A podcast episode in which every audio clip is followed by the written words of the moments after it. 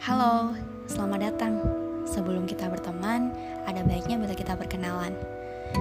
Dalam podcast Perahu Teduh ini, kamu akan mendengarkan banyak rekaman yang semoga bisa menenangkan pikiran dan perasaanmu yang sedang berantakan. Selain itu, podcast ini juga bisa membuatmu merasa terwakilkan ketika ada rasa yang belum bisa kamu sampaikan. Silakan mendengarkan, semoga bisa nyaman dan terus bertahan. Oh iya, supaya kamu tidak ketinggalan episode-episode selanjutnya di podcast ini, tak ada salahnya untuk menekan tombol ikuti di Instagram Perahu Teduh. Aku tunggu hanya di sana ya. Terima kasih banyak.